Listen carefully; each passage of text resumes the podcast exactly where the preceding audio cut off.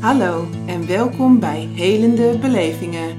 Belevingen die je meenemen op reis door verhalen van mijzelf en andere wounded healers. Een wounded healer is een archetype die je leert hoe je vanuit je wond wijsheid, kracht en inspiratie haalt. En dit vervolgens gebruikt om anderen te helen en inspireren. Mijn naam is Annemarie Semijn en ik zie mezelf als een wounded healer, een bezield arts en een heler van gesproken en geschreven woord.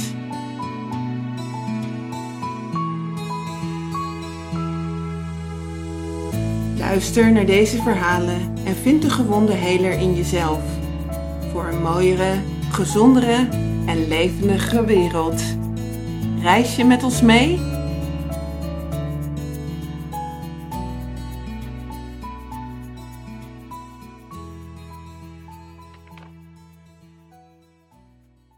En vandaag aan tafel zit Rianne Toenhaken. En Rianne is een collega van mij, een dierbare collega. Zij is integrative medicine arts, yogatherapeute. Ze werkt heel lichaamsgericht en richt zich met name op vrouw, moeder en kind. En uh, we gaan het hebben over haar reis, haar zoektocht ook in het artsenvak. En zoektocht die ik ook heel erg herken. En um, ja, de dromen, verlangens, uh, die in Rianne's leven spelen wat betreft uh, het dokter zijn. Welkom Rianne. Dankjewel Annemarie. Fijn om hier te zijn. Ja. Deze plek die ik iets beter ken. Ja, ja. klopt inderdaad. Ja. ja. we zitten in onze, in ieder geval in mijn praktijkruimte. Ja. Uh, ook de podcast op te nemen. Kijken of ik goed te horen ben. Ja, volgens mij wel. Oké. Okay. Ja. ja. Ja. Ik zou zeggen, um, brand los of ga van start op een ja. plek misschien wel waarin je um, zowel arts eigenlijk wilde worden, maar ook meteen een zoektocht had. Hmm. Ja, ik bedoel, zal ik even wat gaan vertellen over hoe mijn reis gegaan is? Ja. Ja. Ja, ja wat er bij mij um, wat voor mij iets is waar ik nu steeds meer puzzelstukjes uh, lijkt te kunnen samenleggen, is um, in, in dat zoeken van geneeskundestudent, of misschien begon het daarvoor al, um, het zoeken als middelbare school, scholier, wat, wat wil je worden? Ja, ja. Met een grote hoofdletter W en ja. grote vraagtekens. Um, dat dat een zoektocht is tussen enerzijds het voelen en anderzijds het denken. Ja.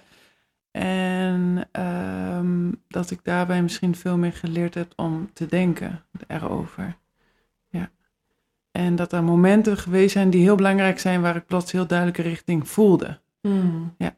En die, hebben, die momenten waar ik hele duidelijke impulsen kreeg om te voelen, die zijn ook heel belangrijk geweest in de zoektocht van de afgelopen, ja, sowieso Ja. afgelopen tien jaar, maar misschien mogen we iets breder trekken, 15 jaar. 15 jaar, ja. Ja, ja. En wat dacht je in eerste instantie, als je het even heel cognitief zou benaderen, wat was jouw pad als je hem zo had bedacht voor jezelf? Ehm, toen ik geneeskunde ging studeren? Ja, Ja. want kennelijk had jij toen een heel erg Ja. bedacht pad. Ja, nou, dat was letterlijk heel bedacht. Eigenlijk mooi dat je het zegt. Want eh, op de dag voordat de loting sloot, zei mijn natuurkundeleraar tegen mij... Maar wat nou, Rian, als je geneeskunde gaat studeren, daar kun je nog heel veel mee. Ja. En toen dacht ik, verrek, daar kan ik heel veel mee. Daar kan ik mee naar het buitenland, daar kan ik mee onderzoeken, daar kan ik met mensen werken. En ik, ja, ik vind mensen leuk, ik vind biologie leuk. Ja, daar kan ik nog heel veel mee. Dus laat ik dat dan gaan studeren. Ja. Want er waren nog tien andere opties. En de dag voordat de loting sloot, heb ik dan mijn keuze doorgegeven. Ja. En uh, ik werd niet ingelood in Nederland. En op het moment dat ik dat hoorde, ik stond in een klein hotelkamertje in Spanje, vertelde mijn moeder dat aan de telefoon. En toen dacht ik opnieuw, ik ga het in België proberen. Ja. Dus uh, lang verhaal kort, hard zwoegen, ingangsexamen, onverwachts Ja, gehaald. die moet je dan in België doen, hè? Ja, heel hard gestudeerd, twee weken en uh, het hals over kop dan gehaald, was één groot spektakel. Hals over kop ook in Antwerpen gestart. Ehm, waarna ik eigenlijk na, na 2,5 jaar de- durfde te zeggen, ik vind het niet leuk. Oh, ja. Daar heb ik even gevoeld. Ja. Wat kwam er dan die na twee jaar? Wat merkte je? Het ging niet goed met mij.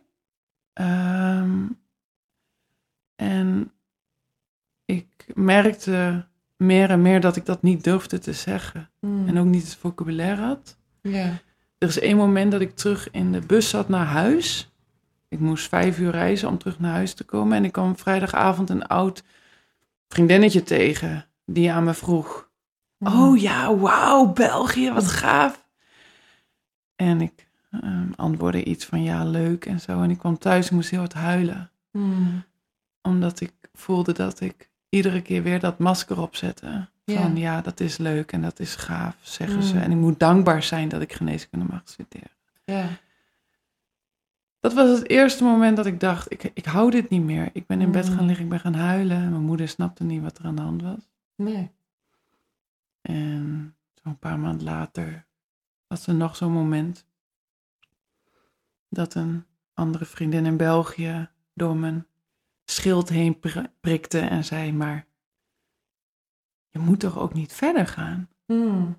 Het ging, het ging niet goed, ik had heel veel last van eetbuien. Mm. Ik voelde me heel alleen, ik kon me niet uitdrukken.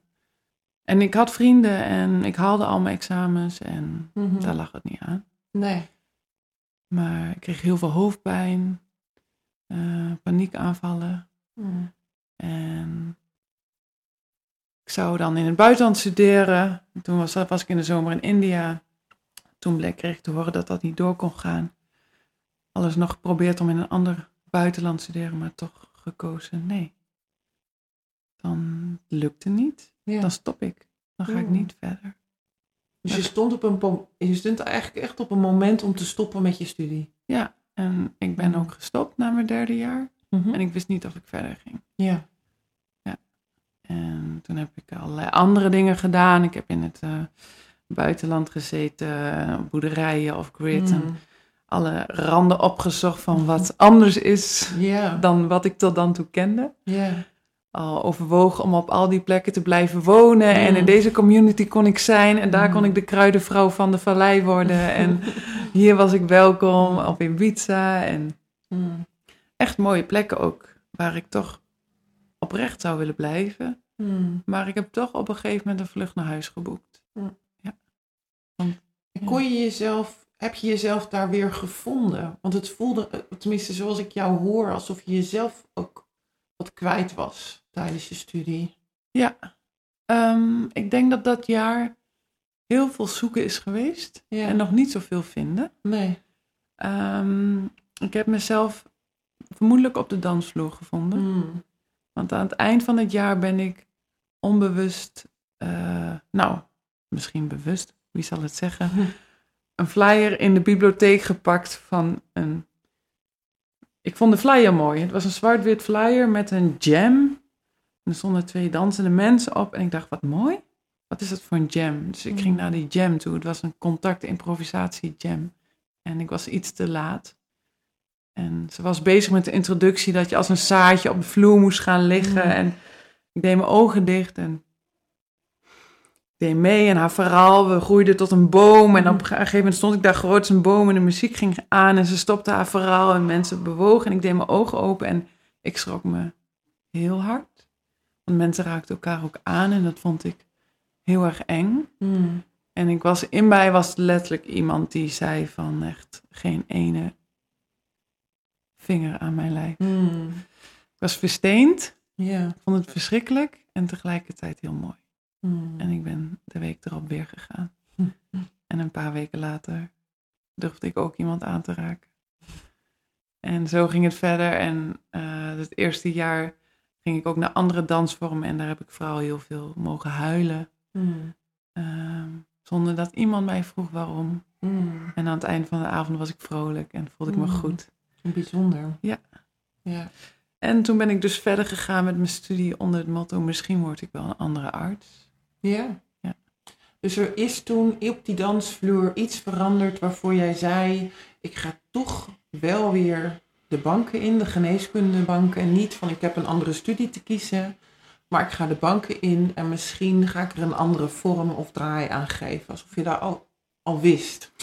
Ja, ik dacht ook van. Mm, ik kende nog helemaal niks van meer integratieve of holistische geneeswijze. Ik had wel eens van homeopathie gehoord. Uh, maar ik wist ook dat mijn medestudenten. Ik had een cliché voorbeeld in mijn hoofd van een medestudent die heel graag orthopedist wilde worden. Ja. Ik dacht ook, ja, hij is waarschijnlijk niet de persoon die een ander woord aan de patiënten gaat willen en kunnen brengen. En Ja. dat is niks mis in, want hij gaat supergoed worden in zijn vak. Ja. Maar ja, ik ga dat misschien wel kunnen en ook Ja. willen. Mm. En ik mag die plek in gaan nemen. Maar ik heb bij God nog geen idee welke vorm. ja. Hoe oud was je toen? Ehm, even kijken, dat was, volgens mij was ik 21. Hmm. Ja. Het voelt al zo wijs voor een meisje van 21, als ik je zo hoor. Ja, dat jij toen, eh, terwijl je eigenlijk halverwege je studie was, eh, in zoektocht was van, is dit wel de plek waar ik hoor? En toch eigenlijk al je eigen ruimte nam om die studie af te gaan maken en te zoeken naar jouw eigen plek. Los van de plekken die er al heel zichtbaar zijn voor mensen hè, en die heel makkelijk ingevuld kunnen worden. Dat je zei van ja, ik ga op zoek naar mijn eigen plek. Ja, Ja, mooi. Ja. nou ja, het was er gewoon. Ja, Ja. maar ik vind het alleen maar Ja. mooi. Ik denk, En het- oh ja.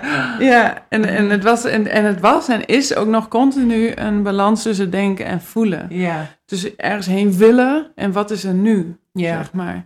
Dus ik wilde ook zelfs toen al bepaalde dingen, maar die waren er gewoon nog niet. Dus het was ja.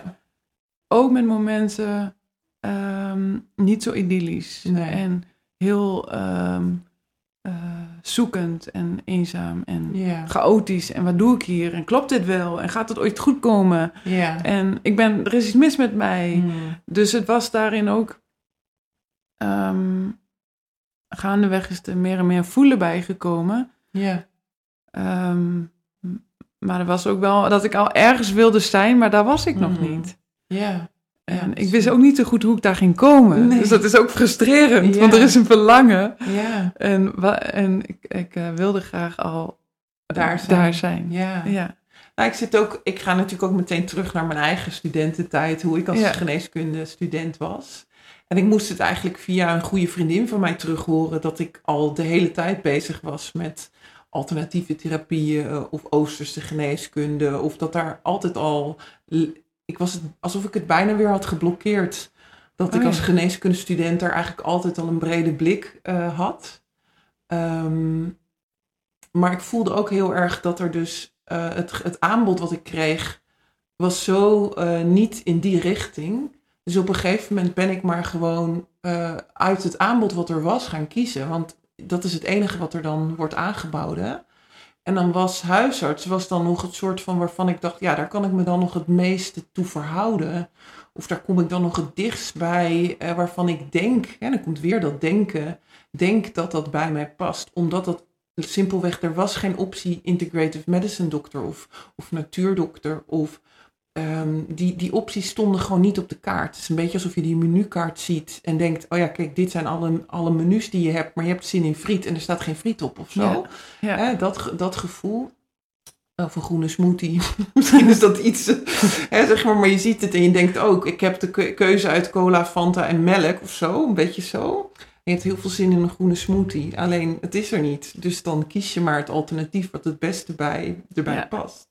Ja, en, en daarbij ook het om je heen zien van mensen, tenminste in mijn geval, Ja, die echt heel graag verlangen iets te worden ja. in het aanbod van die menukaart. Ja, ja. En ik zie mezelf ook nog op zo'n carrièrebeurs rondlopen. En dus ja, die pediatrie en zo. En, ik zei ook tegen me, op een gegeven moment werd ik er ook wel steeds vrijer in naar mijn vriendinnen van... Ja, oh god, ja, misschien huisarts of zo. Dat zal wellicht wel kunnen passen. Maar, maar en dat Ja. zullen mensen herkennen, dat ik ook bleef halen. Het kan ook heel goed een husje op de hei worden. Mm. Als moeder die taarten Mm. bakt. ja. Oh, die ruimte had je ook voor jezelf. Nou, die begon ik op een gegeven moment te maken. Want Hmm. ik denk dat in mijn... Ik heb in geneeskunde, was in zeven jaar in België. Dus na mijn derde jaar een jaar gestopt. In het vierde jaar heb ik mezelf beloofd, ik ga zoveel mogelijk buiten de schoolbanken doen. Hmm. Ik haal al mijn examens, noemen ze het daar. En eh, dat lukte ook, maar ik kreeg een beetje twee levens. En op een gegeven moment werd het wel, kon ik dat een beetje wel meer met mijn geneeskunde vriendinnen delen. Waar ik, tenminste cognitief delen, waar ik een beetje bezig was. Er werden ook wel een beetje grapjes over gemaakt. Dus soms vond ik dat lastig. Hmm. Maar dat werd wel steeds ook ja, meer oké. En wat, kun je, wat deed je dan daarnaast? Ik begon een massageopleiding te doen. Ehm, ik ging dus inderdaad veel dansen en dan waren de weekenden van het dansen. Ja, ik, ik, ik gaf me maar voor van alles en nog wat op. Hmm. Vooral het lijf voel ik dan. Ja, heel erg het heel- lijf. Ja, alsof Ja. je heel erg in het voelen of zo. Ja. eh, En ik kan het ook terugzien, want inderdaad in die tijd met de eetbuien.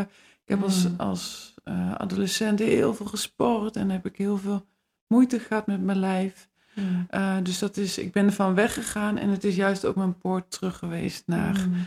ehm, terug naar het hier en nu. Ja. Ja, en nog steeds. Nog Ja. steeds is dat echt een hele belangrijke ehm woord in, eh, in het hier en nu te Ja. komen. Zowel privé als professioneel.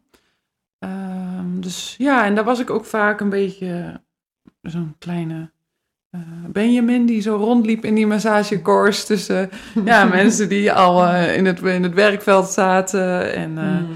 Ehm, ja, 60 plus. eh, Weet je, dat was voor mij ook heel erg leuk. Om met andere generaties op te trekken dan enkel eh, studenten. Ook wel heel verruimend. Ja. Kan ik me voorstellen. Ja.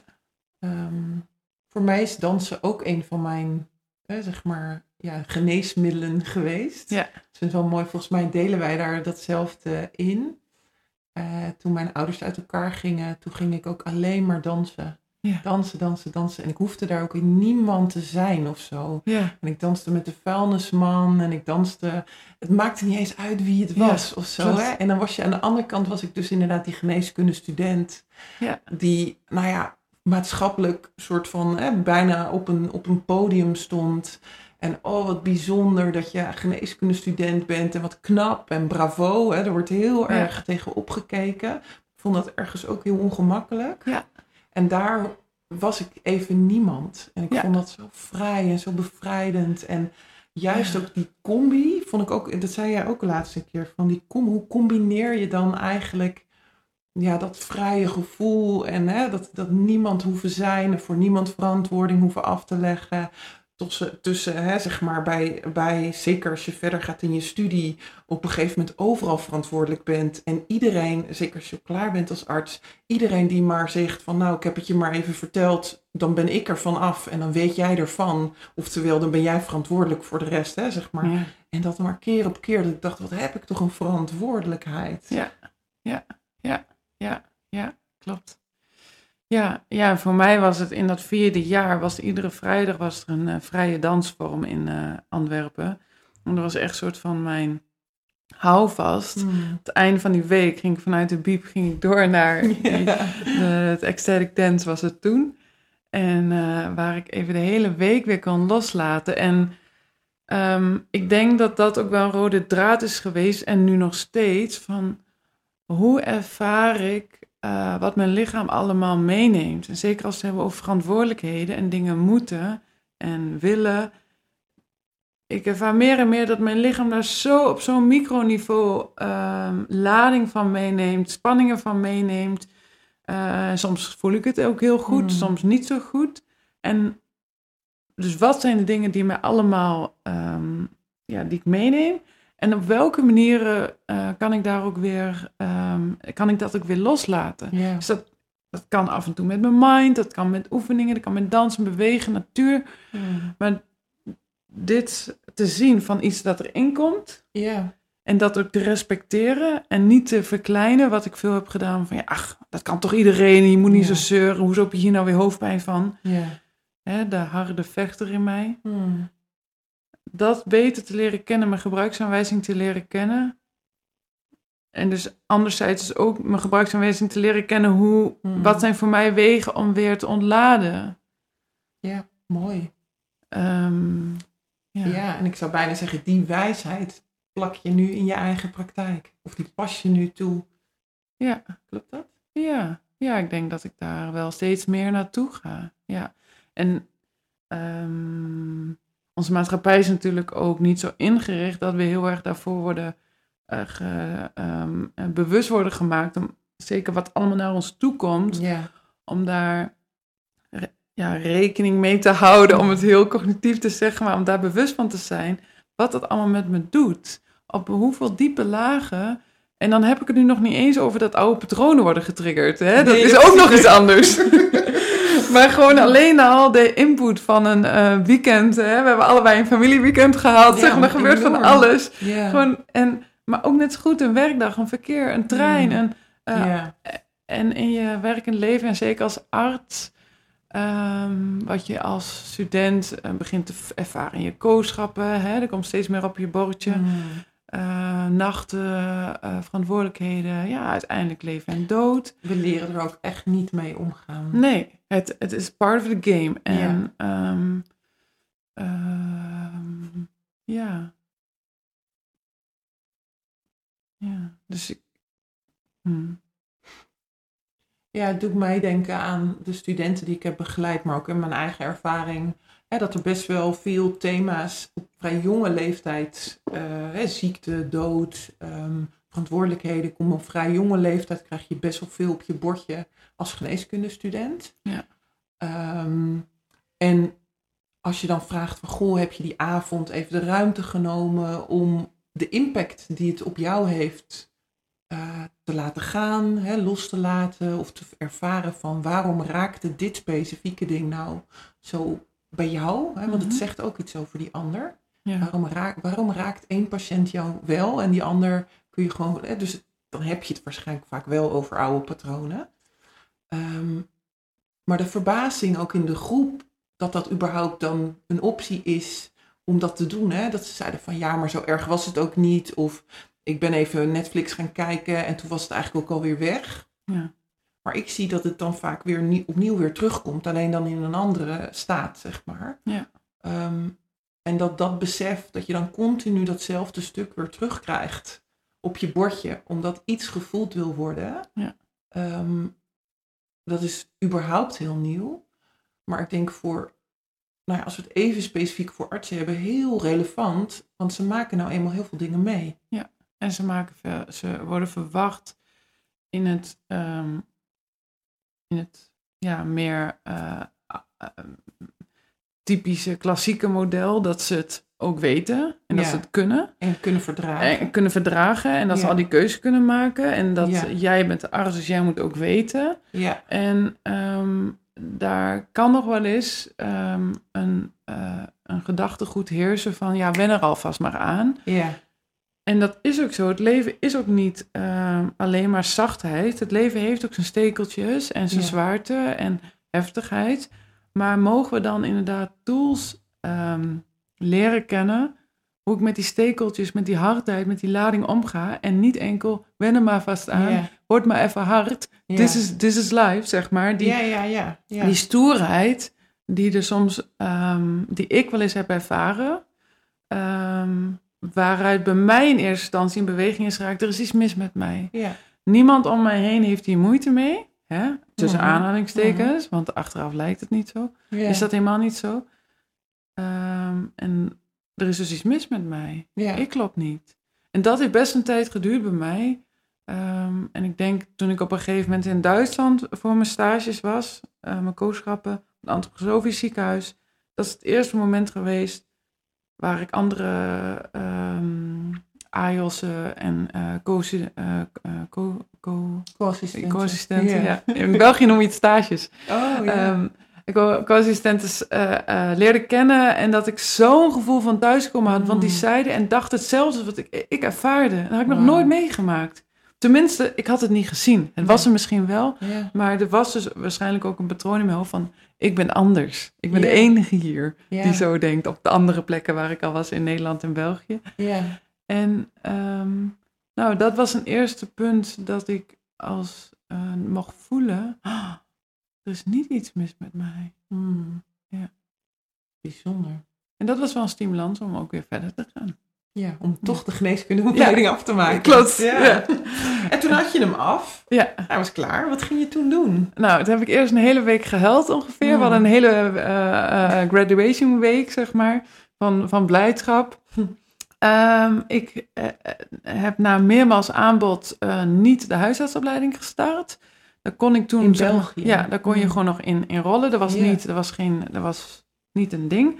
Hij zou dit jaar erop ook veranderen. Dus het was Mm. echt zo mijn laatste kans. Maar ze wilden je graag hebben. Ja, ja, Ja, ik had ja. op zich ook al een sollicitatie gedaan. Ik had ook al een plek waar ik mocht beginnen bij een integratieve arts. Die ook eh regulier en antroposofisch werkte. Ik kon goed met hem. Ik had al Ja. een stage bij hem gedaan. Ik deed een extra baantje bij bijna hem. als een soort kat in het bakkie van... Ja, Ja. Ja. Hm. nou, ehm, nee, toch Nee. niet gedaan. Ik was, eh, nou, dat was ook op zo'n moment van voelen. Ik ging Mhm. een, een weekend doen van eh, stembevrijding. En op dat weekend heb ik gedacht, nee, ik ga het helemaal weer omdraaien. Waar voelde je dat? in een eh, stembevrijdingsoefening waar bijzonder genoeg mijn moeder ook was, Hmm. onverwachts, die mij zag en hoe ik expressie gaf voor de hele groep, wat er eigenlijk in mij leefde. En dat het helemaal niet het verlangen was van nu aan de huisartsopleiding gaan starten. Ik was eigenlijk gewoon moe. Hm. Ik was moe van die hele geneeskundeopleiding. En ik wilde even geen punten op de horizon. Ja. En ik heb letterlijk daar in Drenthe eh, volgens mij iets veranderd aan eh, de instellingen op de, de inschrijving en dergelijke voor de huisartsopleiding. Ehm, maar ik heb nog wel even een paar maanden bij hem in een soort eh, constructie gewerkt als basisarts. Ook daar weer allerlei, eh, ja, om het eh, um, onverklaarbare klachten gekregen. Zelf, ja. Ja, Hm. spijsvertering, slapen. Hm. En ehm, eh, veel eetbuien toen ook. Hm. Eh, Dus je lijf gaf eigenlijk al aan dat dat niet de plek was voor Ja. jou. Ja. Ja. En ook, en, en desondanks vond ik dat toen wel moeilijk. Ja. Kon het niet, niet makkelijk accepteren. Ik wilde graag zijn als de rest die dat ook gewoon kon. Ja, ja, groot gelijk ook. Ja, Ja, want je worstelt natuurlijk al zo ja. lang en dan nou ja, krijg je zo'n aanbod. Zo'n mooie plek, een houten Ja. huis, leuke patiënten, superleuke andere medewerkers. Ik genoot ook. Ja. Dus het was ook verwarrend. En Ja. toen eh, ging ik weer een yogaopleiding doen en gaandeweg, dat was eh anderhalve maand en ik voelde me daar gaandeweg weer helemaal goed. Dus toen Hm. heb ik ook terug in het vliegtuig, was er nog een moment om het eh huisartsopleiding alsnog te gaan starten en ook die heb ik afgewezen. Ze wilde je echt heel graag. Ja, en ik wist toen het vliegtuig afsteeg dat als ik terugkwam dat de deadline voorbij was. Mm. Dus ik kon in de lucht ook geen appjes meer sturen of aanmeldingen meer doen. Ja. Dus dat was wel een hilarisch moment toen ik mijn gordel vastdeed en dat afsteeg. dacht, dit, is, dit is het. Ja. Ja, en toen heb ik ehm, in een yogacentrum gewoond. Eh, een jaar. En eh, nou, daar heb ik veel les gegeven, veel lichaamssessies gedaan. Zowel fasciatherapie, wat ik intussen twee jaar geleerd had in België. Maar ook gewoon, ons, eh, gewoon bepaalde massages. En soms enkel ontspannen, soms meer therapeutisch. En ehm, toen kwam corona. Ja. En het centrum sloot. Ik had geen, ik woonde en ik werkte daar, dus ik ging terug naar Nederland. Ja. Naar het, ik heb het letterlijk het, het, holst, het, het hol van de leeuw genoemd. Mm. Mijn ouderlijk huis. Ja. Waar mijn ouders nog steeds wonen, waar mijn slaapkamer er nog steeds is, Ach, in ja. Twente. Een soort terug in de tijd gevoel bijna. Ja. ja. Dat heb ik daar ook heel erg beleefd. En ehm, toen voelde het heel goed om weer in Nederland te zijn na tien jaar. Ja. En in plaats van naar Nijmegen of Maastricht te verhuizen, ben ik in Deventer beland. En eh, ben ik weer als jij- arts gaan ja, werken. precies. Toen kwam, jij, kwam ik jou tegen. Ja, Klopt. En toen dacht ik, hé, hey, wat interessant, een arts die iets met mind-body doet. Mm. Misschien moet ik eens eh, een lijntje leggen met haar, want ik doe ook veel dingen met mind en body. Ja, ja. En zo eh, herinner ik me nog dat ik met jou aan het bellen was. Ja, ja die In, eh, herinner ik me ook nog. Herfst 2020. Ja. ja, en toen belandde je ineens in de Academie for Integrative Medicine. Juist. Ja, Tweede jaar. tweede jaar. Ja. Ja. waar ik de collegezaal de eerste dag binnenliep en ik dacht echt, oh mijn god, ga ik weer een studie met artsen doen? Ja. Doe ik dit echt? En na de eerste twee dagen reed ik terug naar huis. Dacht ik, ja, dit is goed. Hmm. Ehm, ja, want ik had daar de vraag genomen en ik denk dat ik die nog steeds leef. Ik heb denk ik in de eh, lente 2020 mezelf de vraag mogen stellen om die te gaan onderzoeken. Wat voor een arts ben ik? Ja, In de brede zin van het woord. ja, Uiteraard waren de artsen vroeger de helers, ja. de shamanen. Van vro- echt vroeger, vroeger. Ja. Echt vroeger, Ja, vroeger. ja. En wie ben ik dan als arts? Wat is dokteren voor mij? Ja. Wat is duurzaam dokteren? Wat, wat is dat eigenlijk? Als ik nou alles loslaat waarvan ik denk dat het is, wat zou het dan voor mij zijn? Ja, mooie vragen. Ja. Heb je daar al wat antwoorden op? Ja. Mm. Een, een, een, een, een dokter voor mij is een persoon die naast een ander staat. Mhm. Een ander die hem, de dokter heeft uitgenodigd om eh, hem of haar te begeleiden voor een periode. En eh, deze persoon, die dokter, mag door zijn of haar voelen en het samenbrengen met zijn of haar weten, ehm, vragen stellen Hmm. aan deze ander. En met momenten ook input geven en richtingen geven en voorstellen doen. En ehm, dit voelen en dit weten wat, wat hij of eh, deze dokter mag doorgeven, dat kan uit alle lagen komen. En dat is afhankelijk waar deze persoon affiniteit mee heeft, deze dokter. Hmm. En heb je affiniteit met. ehm, ja, dat palet kan zo breed uitwaaieren. Hè, als eh, waar je- jij als dokter de behoefte aan voelt. Mhm. Maar daarvoor gebruik je dus enerzijds je weten, maar ook je intuïtie en je eigen voelsprieten van wat is er nu gaande. ja. Bij, in deze situatie dat ik hier sta. Dat schijnbaar ik nu met deze persoon, cliënt, patiënt, als we even vaktermen gebruiken, ja. eh, mag begeleiden. En voor de, de een zal wellicht veel kruiden en planten gebruiken, de ander zou eh, het lichaam gebruiken. Het kan zo praktisch ja. en basis zijn en naar wellicht ehm, meer breed kijkend, misschien energetisch. ja. Misschien de een gebruikt bepaalde onderzoeken. ja. Hè? eh, dat mogen bloedonderzoeken zijn, darmonderzoeken zijn, maar wellicht ook ander type onderzoeken. ja. Maar dat je dus een begeleider bent. En ja, er zijn meermalen beelden naar voren gekomen van een, een, een oude, intuïtieve vrouw die op de Mm. juiste momenten weet wat ze moet inzetten. Ja. Ja. Ja, ik voel dat we die eh, weer mogen gaan omarmen en dat we die dus kwijt zijn geraakt voor een tijdje. Maar dat het een niet los, zeg maar, het ander hoeft niet vervangen te worden, maar het mag gewoon weer een soort van gelijkwaardig, eh, gelijkwaardige partner zijn. Dus het een soort gelijkwaardig partnerschap zijn, hè, zeg maar. Dus dat ehm ja, even de, de intuïtieve wijze vrouwen, die dan nu misschien ook in jonge vrouwen al leeft, maar ook in jonge mannen, of, of mannen op leeftijd, ehm, dat intuïtief weten, ehm, dat daar gewoon bijna een specialisme voor is, om het dan toch in een hokje te plaatsen, maar dat dat op de menukaart komt, Ja, om het zo maar te zeggen. ja, Zodat je ook weet dat je voor die groene smoothie kan kiezen ja. om het even weer toch in die menukaart te zetten. Maar dan ehm, kunnen de mensen die helemaal aangaan op interne geneeskunde of orthopedie of kindergeneeskunde en helemaal een ja voelen daarbij, gewoon nog steeds kiezen uit die opties. Ja. Maar is die optie voor de, voor, voor de mensen die nu geneeskunde doen of nu vastlopen in het huisartsenvak of in de chirurgie of in het specialisme waar ze nu in zitten, ook voelen, oh, er is nog iets anders en dat mag. Ja, Het mag er weer zijn of Ja. zo, hè? want het is zo onderdrukt geweest. Het is natuurlijk zo ja, verbrand, noem ik het eh, nog steeds. Ik kom er toch elke keer weer op terug.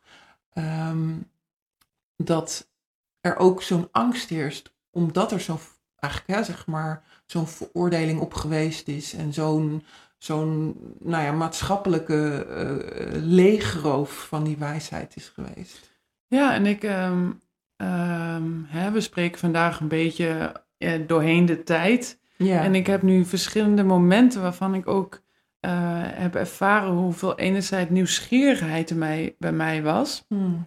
Naar andere wegen. Ja. Omdat ik merkte, ik word op heel veel plekken ontzettend gezond en gelukkig. Maar daar leer ik niks over in, mijn, in de schoolbanken. Ja. Ik kan me zelfs een slide herinneren dat er allemaal meer holistische complementaire therapie op stonden. En er werd één groot rood kruis doorheen gehaald tijdens de PowerPoint-presentatie. Van als patiënten hierover beginnen, moet je het afraden. Terwijl hè, er stonden 30 namen op. En ik wist Mm. van al die 30 namen niet precies wat het was. Ik dacht, hoe kan ik dat nou afraden? Hmm. Dus er zat veel nieuwsgierigheid aan na, maar dus ook kan me ook ervaren steeds die angst om er wel met mijn studenten over, medestudenten over te mogen praten of de nieuwsgierigheid te mogen tonen. En als ik doorheen de tijd kijk, is die ehm, angst enerzijds afgenomen, ook de manier hoe ik erover kan Mm. praten. Uh, maar ook in mijn privé, als ik zelf klachten ben tegengekomen, waarvan ik eerst gewoon de basisdingen heb uitgezocht of een bepaalde Ja. reguliere protocolaire aanpak heb gedaan die niet hielpen, Ja. dan had ik zelf ook dit aan te kijken van, wat wil me dit hier zeggen? Ja. En alleen het stellen van die vraag, vraag al, ja, die is best spannend. Ja. En om die alleen te doen is soms best heel moeilijk. Hmm. En wat nou als eh, we als zorgverleners die vraag mogen stellen? Hè? En ik zeg niet dat die vraag er alleen moet zijn. Hè? Er mogen Ja. ook wegen voor andere eh, approaches zijn. Maar wat nou als ons lichaam tegen ons praat? Ja. Hè? En ik zeg niet dat ik altijd mijn lichaam begrijp. En ik, voor mij is het, het, is, het is altijd een balans. En een balans is iets dynamisch. Ja. Dus ik verlies hem ook. Ja. En ik mag de weg weer terug naar het midden vinden. Ehm, maar dat ehm, mogen verwoorden als zorgverleners en daarmee dus ook andere zorgverleners die dat draadje in hun buik voelen, maar Ja. nog niet weten waarheen. Ja. Dat het Eh, beschikbaar is. Ja, en dat het Ja. niet, je bent niet raar, je bent niet Mhm. gek, je bent niet, er is niet iets mis met jou. Mhm. Je hoeft het niet per se te stoppen, het arts zijn. Nee. En dat voel ik ook dat we, ehm, ja, dat ehm, meer in het, eh, dat, dat, dat er gewoon, dat dat heel veel zou kunnen helpen als het meer in het, eh, meer aandacht mag krijgen. Ja. Ja. Nou wat ik daarover zeggen wil, is mij heeft het inderdaad heel erg geholpen, toch de mensen ehm, die al eh, zichtbaar waren. Hè, Ja. Dus die al vertelden hierover ehm, van de Amsterdam School for Integrative Medicine, hè, die net opstartte. Eh, daar was gewoon een clubje artsen eh, die, zei, die, die gewoon voelden van het, het, het mag ook anders. Hè, het mag breder, het mag holistischer, inte- integraler. Nou ja, geef het een naam. Ja. Wij kunnen bijna zeggen vrouwelijker ook nog. Hè, dat de zachte energie er ook weer in mag zijn. Ehm, omdat we samen zo in die yin zitten. Ehm, maar met hun voelde ik ook de kracht om wel dan een eigen pad te zoeken. Ja. Want kennelijk, ik ga toch weer even in die menukaart zitten. Zij zeiden, joh, we zouden ook heel graag die groene smoothie op de menukaart willen hebben. ik moet hem toch even zo erin koppen. Eh, en toen zei ik, hé, hey, ja, ik voel me thuis daar Mm. in die groene smoothie. Ja. Ik voel me thuis. Toen ben ik zelf inderdaad gaan onderzoeken van hoe ziet mijn ideale mix er dan uit? Ja. Hè? Hoe, hoe, hoe wil ik het dan gaan creëren? En dan als je eenmaal op die zoektocht bent en, je, en inderdaad je lijf gaat vertellen wanneer je fout zit en wanneer je goed zit. Bij mij was het vooral heel mentaal dat ik eh, voelde of ik fout of goed zat. Ja, dus mijn lijf deed het dan nog wel. Dus ik had nog de kans om daar nog een soort van doorheen te breken. Maar mijn hoofd eh, ging echt alle kanten op als ik de verkeerde keuzes maakte. Hmm. Ehm, eh, dus die steun is zo belangrijk. Ja. dus die steun van, van mensen die, die het al gedaan hebben. Klopt. En dat vind ik zo fijn dat ik ook merk dat, omdat ik nu zichtbaarder ben, hè, komen er ook wel toch een aantal collega's. Nou, jij kwam natuurlijk in 2020 op mijn pad van hey, een dokter met mind body, interessant. En zo zijn er tal van collega's die zeggen van ja, ik durf eigenlijk niet aan, aan de mensen om mij heen te vertellen hoe ik me ergens over Ja. voel. Maar tegen jou durf ik het wel te zeggen, want hè, je, eh, je vertelt er al over. Dus dan voelt het veilig genoeg Ja. om het samen erover te hebben, zeg maar. Ja. Ja, en dat is inderdaad, dat heb ik eh, bij het uh, antroposofisch ziekenhuis, waar ik dan al met al een jaar heb gezeten, heel erg ervaren. Ehm, dat heb ik ook weer bij de EAM ervaren, hè, bij de in, uh, Academie for Integrative Medicine. Dat ehm, ja, die bedding, Ja. maar ook de vrijheid. De Ja. vrijheid om je te gaan uitspreken en te mogen zoeken en daarin ook weer te vinden. Ja. En evengoed heb ik bij de EAM ook wel weer momenten gevoeld van... Oh, wow. Hè, dit, misschien herkennen mensen dit. Eh, dit is iets wat ik zelf soms herken bij mezelf. Oh nee, dit, dit vind ik eigenlijk helemaal niet leuk. En, en dat de eerste reactie is van... Oh, maar ik moet dit wel leuk vinden. Mm. Dit stukje van integrative medicine. Shit, shit. Hè, er is weer iets mis met mij. Ja, ja, en dan zo Ja. Daarin, eh, daarom dat ik vrijheid benadruk. En dat is iets wat ik nu nog steeds gewoon tegenkom van, oké, maar mag ik dus in, ehm, mag ik echt navigeren in wat er gebeurt en hoef ik niet iets te zijn? Ja. En met dat ik, ehm, met dat de dagen voorbij gaan, en de, hè, verandert dat ook een beetje. Ja. Dus die, die, die dynamiek, ehm, die uiteraard ieder pad heeft. Want ook als je kinderarts wordt, ben je ook niet altijd één keer enkel dat. Dan heb je ook je keuzes te maken, waarin Ja. je wel of niet je onderzoek gaat doen, of waarin je wel of niet gaat specialiseren. Ja. Dus dat is overal. Bij, ik denk bij integrative medicine en leefstijlgeneeskunde, het is gewoon nog wat nieuwer, wat onbekender. En er zit af en toe een taboe op voor sommigen, waardoor dit eh, soms misschien voor sommigen wat spannender is Ja. om hier helemaal open voor te gaan staan. Eh, maar Maar uiteindelijk worden ook wel eens uitgelachen. Hè? Dus Ja. het is ook soms ook terecht om de angst te voelen. Omdat ik ken eh, collega's die zich uitgesproken hebben en dan achter hun rug om worden uitgelachen. Of, hè, dus er gebeuren natuurlijk ook best wel een beetje kinderachtige eh, reacties op iets wat dan onbekend is. Of wat zo in de geneeskundestudie studie heeft gepretendeerd als dit is pertinent iets waar je niet naartoe mag bewegen. Ja, Ehm, ja. eh, nou ja, ik, ik noem het nog steeds die, die voorbeeld van de groene smoothie. Hè? eh, als er alleen maar chemische dingen op staan en, en, en ehm, het staat er niet op, ja, dan weet je niet dat het, dat het beschikbaar is. Of sterker nog, komt er rood kruis op. Van nou, ga dat maar niet eh, adviseren. Dan, ja, dan is de logischste reactie om daar gewoon ehm, om, om, om daar gewoon dan ook in te geloven, misschien ook wel. Hè? Mhm. Dus dat je denkt van, oh, dat zal wel, want ik bedoel, ik zit hier op een geneeskundeopleiding, zij zullen het wel weten. ja. En ik denk dat de mensen die daaraan gaan twijfelen, of ergens diep van binnen voelen van, hé, is dit nou de hele waarheid? Wat ik, wat ik nu te leren krijg? Of krijg ik nu een halve waarheid? Ja, en dat is denk ik iets wat ik zelf heel erg, in, wat überhaupt in eerste instantie mijn drijfveer was van, ik wil het graag, ik, ik wil weten wat het is. Ja, Hè? En uiteindelijk is dat minder, is dat niet enkel weten, maar vooral ook heel gaan ervaren wat Ja. dat is. Eh, ik wil ervaren wat het is en wat het met mij doet. Dan kan ik vanuit een bepaalde plek gaan spreken naar een patiënt of cliënt of een mens of een vriend. ja, ja. Ehm, waarbij ik ook eh, duidelijk kan aangeven van dit is, dit is wat ik heb ervaren of dit is, dit is wat ik van weet, dit weet ik er niet van. En ehm, nou, dit dit zou wellicht voor jou ehm, misschien kunnen aanspreken. Hoe, hoe is dat voor jou? ja. Hè? Eh, dus ook mogen zeggen, ik weet het niet precies, maar dit is wat ik wel weet. In plaats van, het is sowieso niet goed, bijvoorbeeld. En Ja. dat is een hele andere ehm, houding. En eh, zowel dus als professional als gewoon mens in je privéleven, die differentiatie te mogen opzoeken. Ja. Eh, van, oh ja, dit weet ik eigenlijk niet precies van. Hier heb ik even geen antwoord op. Ja. Nou, door het af te wijzen, denk ik, als zorgverlener gaan mensen toch op zoek. Alleen wordt het dan onveiliger omdat ze het stiekem gaan doen of niet weten wat de routes Ja. zijn.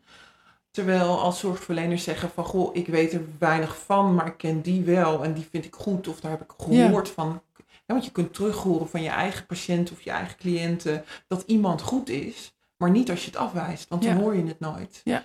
Dus als je het niet afwijst, krijg je veel meer informatie van mensen die ergens geweest zijn wat misschien wel goed was. Ja, Waar ze wel heel veel van gehad hebben. Waardoor je vervolgens andere mensen weer wat meer op een weg kan wijzen van goh, ja, ik ben er niet uh, bekwaam in. Hè. Ik heb daar niet voor gestudeerd. Maar ik hoor goede verhalen over die. Of ik hoor goede verhalen over die. En daardoor hou je wel weer die verbinding met die ander die toch zoekt. Die Ja. gaat toch, dus het is niet zo dat als jij zegt van nou, ik ben het er niet mee eens, dat die ander dan niet op zoek gaat. Ja, we weten natuurlijk ook van bepaalde eh, plekken in de geneeskunde of in de gezondheidszorg weten we dat de cijfers enorm zijn hoeveel complementaire zorg wordt opgezocht, bijvoorbeeld in de oncologie. Ja. Ehm, en zelf wat ik als integratief arts ontzettend leuk vind en prettig vind en waar ik zelf ook energie van krijg, is door daar gewoon te gaan staan. Want er zit ook gewoon een volwassen persoon tegenover mij. Ik hoef die keuze niet te maken voor die ander. Dat ik dat heb losgelaten. Ik hoef het niet te weten. Maar dat ik vragen kan stellen en dat op een gegeven moment wel dat ik bepaalde impulsen krijg en daar mijn intuïtie mag gebruiken. Hè? Eh, het pluis-niet-pluisgevoel, wat totaal toegestaan is in huisartsgeneeskunde, maar niet zo'n grote weg heeft in de rest eh, op andere plekken heeft gekregen. Maar dat ik dat mag combineren en zeggen van hé, hey, dit of dat moet ik nu aan denken wanneer jij, waar jij over spreekt. Ik ken er dit of dat van. Dit is, weet ik er niet precies van. Hoe is dit voor jou? Want er zitten volwassenen tegenover mij. En ik merk hoe prettig ze dat vinden. Dat ze ook, ehm, dat ik het weer bij hun neerleg. En dat ze zeggen, wat fijn. Ik zocht deze plek. Hmm. Want het is soms moeilijk alleen. Het is soms moeilijk alleen. En het is niet alleen omdat er zoveel kennis is. Maar het is ook gewoon heel fijn. We zijn eenmaal zoogdieren. Die graag, zeg maar, In verbinding. in verbinding ehm, eh, iets aangaan. En dat kan eh, in je privé in verbinding zijn, je partner, hè, familieleden, vrienden. Maar soms is het ook heel prettig om daar een, ehm, iemand van buitenaf voor een bepaalde periode naast hebben staan. Ja, die onvoorwaardelijk eigenlijk er voor je is. Ja. Hè, zeg maar. Eh, Want dat voel ik in jouw, eh, zeg maar, ehm, eh, in jouw woorden hoor ik bijna een soort partner die eigenlijk vanuit, vanuit een plek van onvoorwaardelijke liefde bij die ander aanwezig is. Ja, ja. En hoe helend is dat? Ja, ja en ik, ik geloof ook, wat ik bij mezelf zeker de afgelopen jaren heel erg zie, is ehm, doordat ik ehm, ook in mijn privéleven de dingen aanga, de vrijheid opzoek, ehm, dingen voel, zie of ervaar die niet altijd makkelijk zijn, die mijn lichaam tegen me vertelt, dat ik die ook mee kan nemen als die, eh, wanneer ik in die rol stap bij wijze van, eh, van die partner. Ja. Eh, daar dus meer als mensen staan. En ik voel echt dat ik de afgelopen jaren eh, mijn figuurlijke witte jas een beetje heb afgedaan. En Ja. daar als mens naast sta. Ja.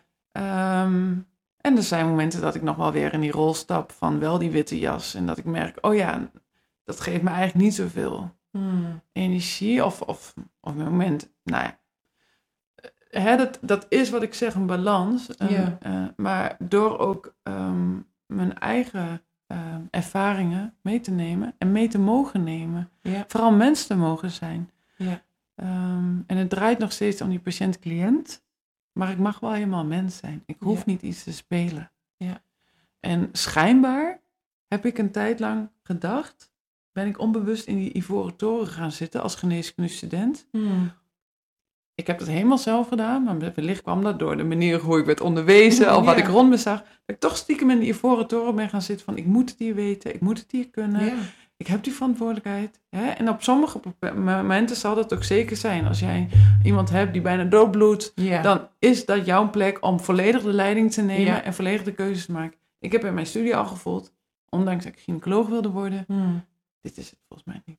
Dit Nee. is niet mijn plek waar ik in mijn kracht sta. Maar dat is ook, ik vind dat ook fantastisch, hè? Want ik heb op de spoedeisende hulp ook gewoon dokters gezien die zowel heel, eh, zeg maar, heel cool konden staan bij hele levensbedreigende situaties. ja. En precies wisten wat er moest Ja. gebeuren. En ik heb met fascinatie naar Ja. ze mogen kijken.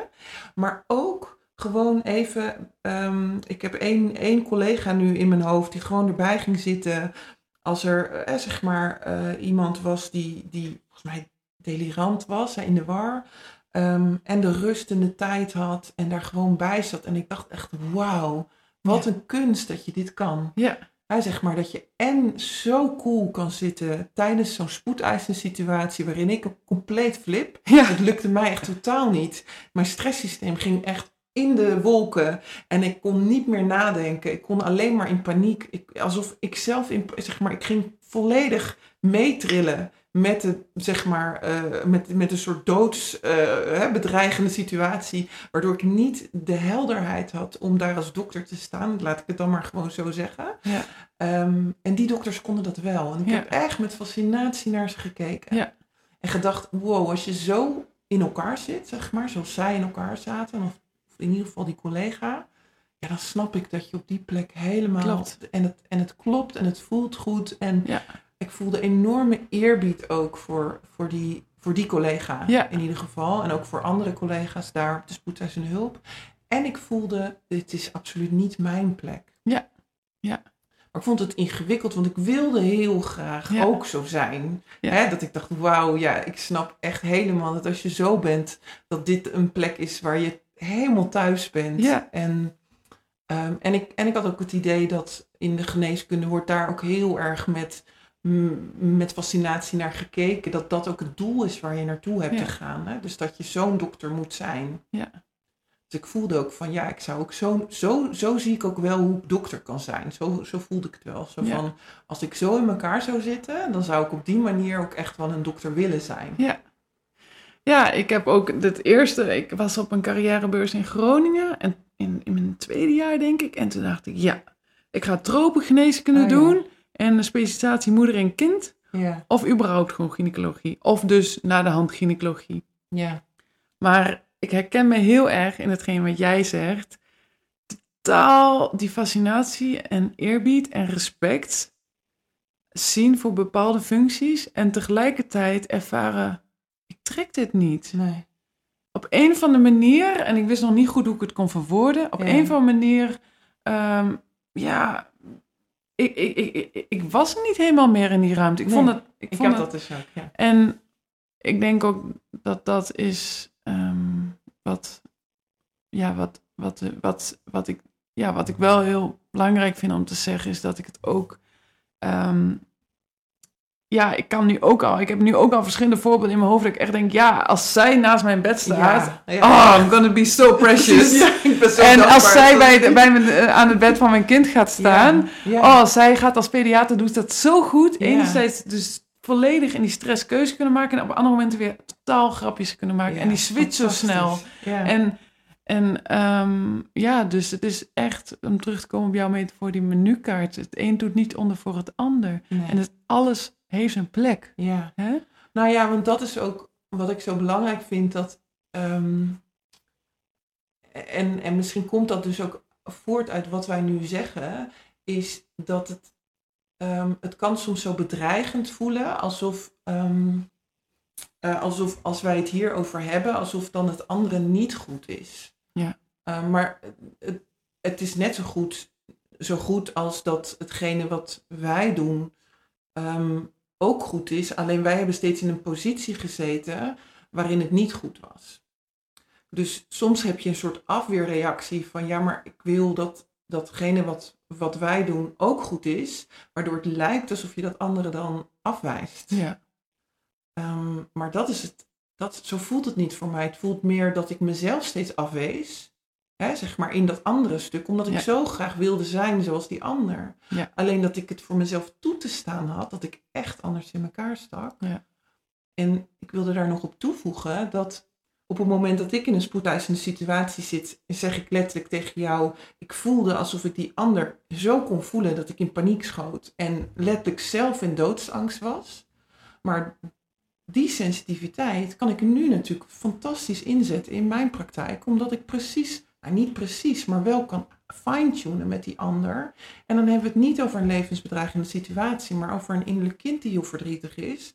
En als je daarop af kan stemmen, en dat is dan voor mij te dragen, dan kun je het in gaan zetten. En dan kun je die kwaliteit dus wel gebruiken. Alleen op een spoedeisende hulp was die kwaliteit, zeg maar, ging ik aan onderdoor. Ik kon het niet Ja. dragen. Ja. Ik, kon niet, ik kon niet, die doodsangst kon ik niet handelen daar. Of ja, misschien eh, tegenwoordig zou ik daar meer kunnen zijn. Alleen dan gaat mijn hoofd uit. En dan zit ik gewoon puur op het intuïtieve vermogen. En dan kan ik gewoon niet nadenken over 100 gram morfine, eh, die IV-spuit. Dus ik had denk ik nu, als ik er even over filosofeer, kan ik best op een spoedeisende hulp werken. maar dan op een, in een andere rol. Hmm. Dus dan ga je je energetisch-intuïtieve vermogens inzetten om iemand tot rust te brengen. Of je gaat het afvoeren, het stresssysteem, door middel van energetisch werk. En dan laat je die andere dokter het medische stuk doen. Maar dan ga jij als, als intuïtieve dokter, ga jij het energetisch werk, het emotionele voorwerk doen, waardoor iemand in een veel betere staat is. En, en daardoor, weet ik veel, een operatie in kan gaan. Wat, weet je, ik filosofeer even door, maar hè, we, we, we benutten deze kwaliteiten gewoon niet in ons Ja. systeem, zeg maar. Ja. Ja, inderdaad. En ik, ehm, er zijn ook twee dingen die bij mij daar naar boven komen. Is, ehm, en dat kom ik nog steeds wel tegen, dus dat stuk in mij die denkt dat ik dat ook wil, of die, of die het ook zo moeilijk vindt te accepteren. Dat, ik ander niet. Dat ik die ander niet ben. Hmm. En daar, dat is natuurlijk eh, een bepaalde identificatie of een bepaald beeld wat ik van mezelf heb, waar ik ook om mag, wellicht even om mag gaan rouwen. Hmm. Hè? Eh, dat dat dus momenteel niet zo is. Hè? Maar dat rouwen kan mij ook helpen om die andere kwaliteiten Ja. eh, meer in het daglicht te zetten, echt te omarmen en ook te gaan onderzoeken van op welke manier kan ik dat wel inzetten. Hè? ja. Ehm, dat, was, dat was een stukje dat, ja, dat dat. En wellicht herkennen mensen dat, dat dat niet vanzelfsprekend is om dat beeld los te laten. Ja. Hè? En dat, dat daar een weerstand kan zitten, een strijd, zelfs een frustratie, een boosheid. En, Ja. En dat, eh, dat daarom gerouwd mag worden. ja. Ehm, ja, er was nog iets anders, maar dat is even weg. Ja, misschien komt dat zo. Ja. En nu heb jij ook een, een bepaalde doelgroep. Hè? Je hebt een bepaalde liefde voor ehm, moeder en kind. Ja. Ja. Kun je daar iets meer over vertellen? Ja, nou, ik kwam dus terug in Nederland. Ik kwam terug bij de GGD en ik merkte eh, na wat inloopdagen, ter, omdat ik eh, even ging meekijken, dat ik het eigenlijk ontzettend leuk vond. Ehm, iedereen, nou, ik zelf had een stoffig idee over deze beroepsgroep. Hmm. Ik had er nooit echt oprecht interesse in getoond. Eh, maar ik werd oprecht direct blij van de consulten met de verschillende kinderen. Hmm. En ik herinner me ook nog in een moeilijke tijd in mijn leven dat ik ooit langs een kinderdagopvang liep en tegen mezelf zei: Ja, als ik ergens ga werken, is het denk ik met kinderen. Hmm. Maar bij God geen idee waar en hoe. Nou, en zo kwam dat toen tot stand. Ehm, en ik merkte dus, wat in mij geraakt werd, is dat die, dat begin van het leven, dat raakte iets, raakte iets essentieels, iets existentieels in mij. En ik merkte ook met momenten een bepaalde openheid bij ouders, wat bij hun open staat op het moment dat het dus een aanstaand kindje is, of een kindje al hier geboren, dat er is een bepaalde openheid voor verandering, voor bewustwording, Hmm. voor ook integratie van bepaalde veranderingen in hun leven. En eh, dat gaf me energie en dat eh, realiseerde ik toen ook van, oh, dit, dit zocht ik ook heel veel in het ziekenhuis, maar ik vond dit gevoel niet zo vaak. Hmm. Hè? Eh, als we het hebben op afdeling cardiologie en patiënten die wellicht heel veel keuzes en veranderingen zouden kunnen doormaken voor hun leefstijl, maar daar weinig motivatie voor ervaren. Ja. Ehm, niet bij alle patiënten, maar ik heb dat ook wel zo ervaren of in een huisartspraktijk. En ik merkte daar dus iets, iets wat mij deed sprankelen. En iemand vertelde op een gegeven moment, hey, er is ook eh, antroposofische consultatiebureaus. Dus Hmm. ik ben in gaan kijken en een paar na- maanden later nam ik het al over in Nijmegen. Dus daar zit ik nu nog. En ehm, ja, eigenlijk intuïtief ging dan mijn interesse ook verder uit naar de zorg voor de moeder. Omdat ik uitgeputte moeders voor mij Mm. zag. En ik dacht, hè? En ik realiseerde dat Ayurveda daar heel veel over schrijft en weet en doet. Ehm, dus dan kwam het meer en meer naar eh, de vrouw. En zo realiseerde ik mij dat dat eigenlijk iets is wat heel de tijd al in mijn leven aanwezig is. Hmm. Eh, ook met mezelf en bepaalde eh, stukken en thematieken die specifiek zijn aan de vrouw, zoals de cyclus. Hmm. ehm, en bepaalde ehm, uitdagingen waar sommige vrouwen ehm, zich heel goed in kunnen herkennen. Ja. En mannen wellicht ook. Hè? Dus het is niet alleen. Maar er zijn natuurlijk wel bepaalde momenten in het leven van een vrouw, zoals voor en na de bevalling, Ja. menopauze, cyclusstoornissen. Ehm, dus ja, daar is momenteel mijn focus op gericht. En die voel ik gewoon heel erg in mijn buik. En dat is heel Mm. erg leuk, die sprankeling te voelen. Ja. Ja. En ik denk mij al als vrouw ook mezelf ook al heel erg met de cyclus uiteengezet. Ook eh, moeilijkheden met ervaren. En, eh, maar ook in het vrouwelijke, in de sensualiteit en de seksualiteit al best veel ehm, ervaren. Met een lijf die altijd heel veel pijn deed. Hmm. Die heel veel spanningen had, ook in intiem contact. En daar heb ik nooit therapeutische hulp voor gezocht. Maar ben ik eigenlijk middels het dansen en ehm, eh, ook wel contact met vaste partners doorheen gegaan. En ik vond het heel moeilijk. Ik heb toen veel uitgereikt of onderzocht en gelezen, ook vanuit Amerika. Hmm. En eh, durfde daar hier in Nederland niet echt over te spreken. Of een psycholoog op te zoeken. Ja. Ehm, Het is natuurlijk een heel kwetsbaar onderwerp. ja, Waar veel mensen moeite mee hebben om hulp voor te zoeken. ja, Ja. ja, En wist ook niet. Ja, dus zo heb ik eigenlijk al op, op dat vrouwenthema, om het maar zo te noemen, al best veel ervaren. En opeens denk ik, hé, hey, ja, dat zijn echt allemaal stukken ehm, die nu samenkomen. Dus dat is minder vanuit het denken, maar opeens is het er. Ja. Dus het is eh, ja. eh, heel erg leuk en ook heel erg waardevol, merk Ja. ik. Waar ligt jouw droom nu? Ja, Verlangen? Waar, als je nu, ik bedoel, je hoeft niet heel ver in de verte, maar je stip op de horizon dan Ja. toch. een stip op de horizon is een, eh, eh, een stukje land, ehm, een bosrijke omgeving, een jurt Hmm. en een huisje. En in die jurt mag ik zijn met mijn praktijk. Hmm. Ehm, en dat is eh, alleen ook qua ja, de ervaringen als ik meer langere tijden in een jurt gewoond heb, die zijn ontzettend voedend. Eh, de ronde omgeving en de natuur die zo dichtbij is. Ja. Een hele geborgen sfeer. Ja. En eh, ook de vrijheid die daar is. Want eh, als, er, als ik meer lichaamsgericht werk en er mag of wil geschreeuwd worden, dat daar ehm, eh, de omgeving dat ondersteunt. Ja. Ja, dus dat is mijn stip op de horizon. Hmm. Uiteraard kan de toekomst altijd weer een andere vorm aannemen, maar dat het in een eh, natuurrijke omgeving Ja. zal zijn, dat, eh dat En dan vrouw en kind.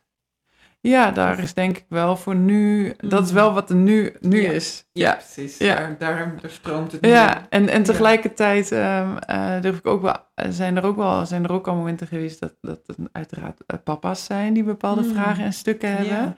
Eh, want het is voor mij echt wel een driehoek. En als Ja. er twee ouders in het spel zijn en dus een kind of kinderen. Ja. En in die driehoeksrelatie gebeurt er gewoon heel veel. En is er voor een papa, als er een, Mm. of, of Ja. degene die niet het kind heeft gebaard in die zin, eh, zijn er ook heel veel thema's die naar voren kunnen komen. Dus in die En zin. voel jij daar dan ook ruimte voor? Zo, zolang het passend is in, dat, in, in diezelfde ja, bijna eh, driehoek, hè, zeg maar. Of zeg je van, nou, die, die verwijs ik dan door? Hmm. Ja, dat heeft eigenlijk, dat ligt aan de thema's. Hmm. Ehm, tot nu toe zijn het wel momenten geweest dat ik denk, oh ja, hè, dat zijn bepaalde ehm, dynamieken geweest die evengoed bij de moeder hadden kunnen plaatsvinden. Ja. Dus het is echt de dynamiek van, hé, hey, ik ga als, als volwassene in een nieuwe fase en ik word ouder van een kind. Hmm. En helemaal als er twee ouders zijn, eh, dan gaan er ook dynamiek ontstaan waar het kind makkelijker met de ene ouder bepaalde stukken kan oppakken. Eh, die andere ouder voelt zich alleen, Mm. zeg maar. Ehm, maar evengoed stukken van, hé, hey, ehm, als het om nu een vader gaat, die moeder heeft een bepaalde weg afgelegd met dat kind tijdens de zwangerschap al. Hoe relateer ik dan eh, als vader hier weer mee? Ja.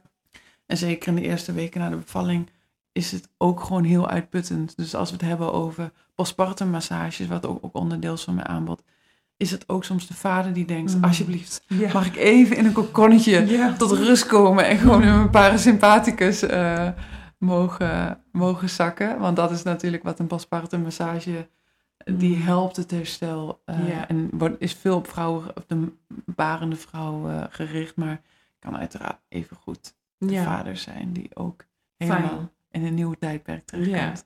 Maar het gaat meer om, om misschien ook wel een stukje thematiek. Ja. En misschien ook wel een stukje bewustwording die er bij die vader is. Of dat aansluit bij jou. Ja, exact. Ja. Ja. ja, en als er momenten zijn, nee, dit is echt, eh, hiervoor mag je een man hebben die naast je Mm. staat. ja. Dan zou ik uiteraard doorverwijzen. En ik denk, eh, wat we eerder ook hadden gehad, dat is de kracht ehm, eh, voor als integratief zorgverlener, dat Ja. Je sociale kaart zo uitbreidt, doordat je ook je verschillende opleidingen hebt gedaan en de mensen kent en ja. zelf hebt ervaren en onderzocht. En kan zeggen, hé, hey, mm, intuïtief voel ik dat deze persoon goed bij je zou kunnen passen. Ga eens op die website ke- kijken, bel er eens mee, voel wat met je doet. Ja. Misschien is het iets voor jou. ja, mooi. Hè? Waar kunnen mensen je vinden? Ja, nou, eh dokter Rianne op Instagram met een punt tussen dokter punt Rianne of dokterrianne.com. En eh, ben je geïnteresseerd om bij het Antroposofisch Consultatiebureau Nijmegen te komen, dan kun je ons op de website van hypericon.nl vinden. Ja. Of, eh, en dan kun je ons een mail sturen om je aan te melden of een prenatal consult.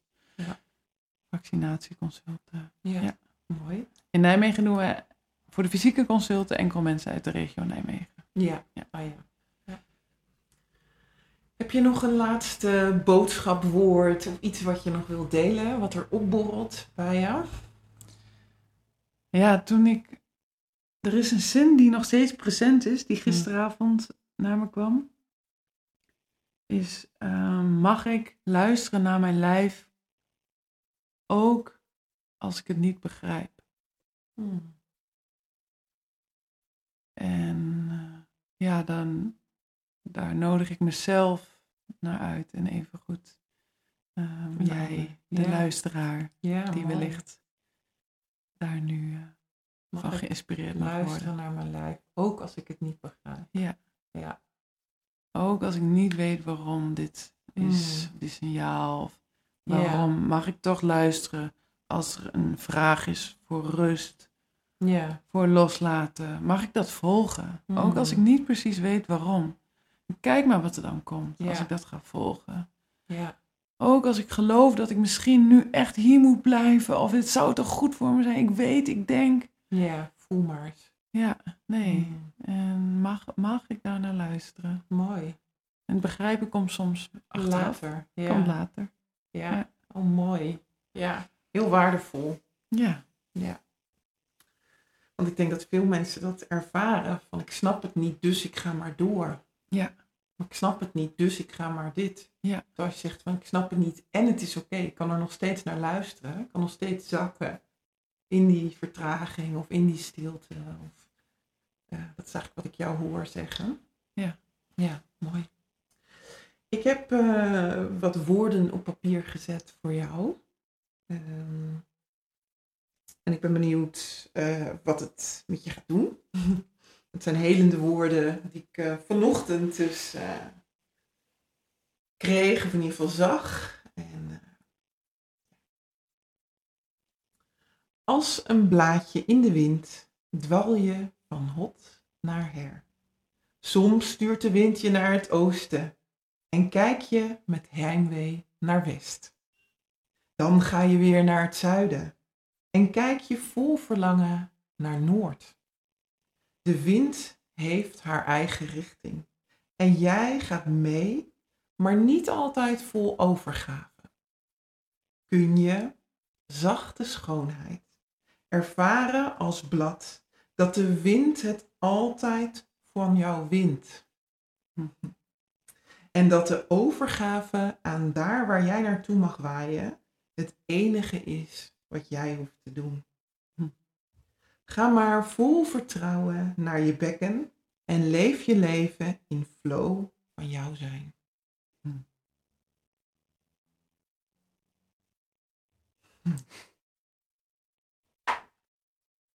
Mooi.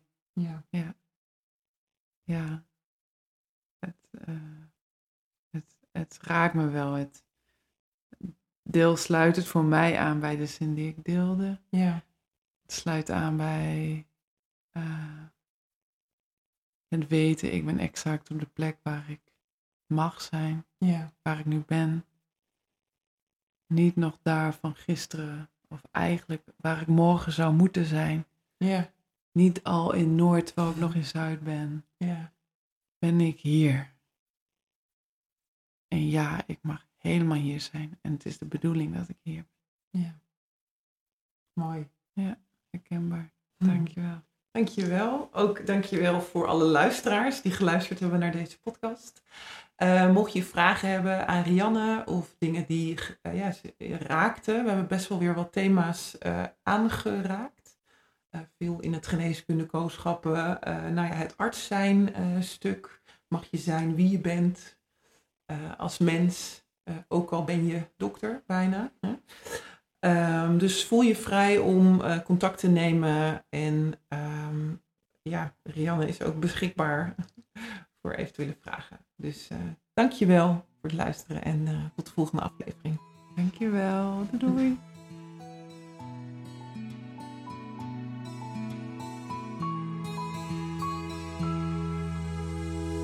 Dankjewel voor het beluisteren van deze helende beleving.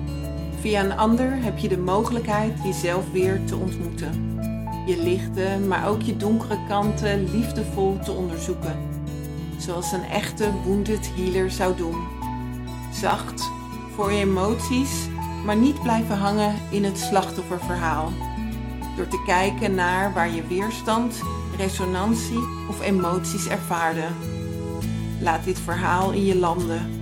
Zak in jezelf. Ga voelen wat het laat zien over jou de aankomende tijd.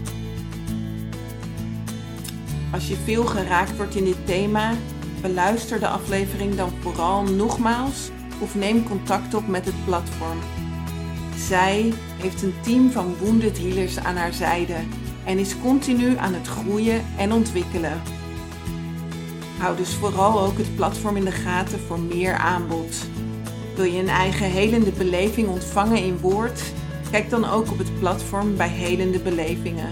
Zo kun je ook het platform en alle ontwikkelingen steunen. Vond je dit mooi, zinvol, intens, nuttig of prachtig om naar te luisteren? Stuur deze dan vooral door naar je familie, vrienden, bekenden of anderen. Ik wens je een fijne dag of avond. Tot de volgende helende beleving. Veel liefs, Annemarie.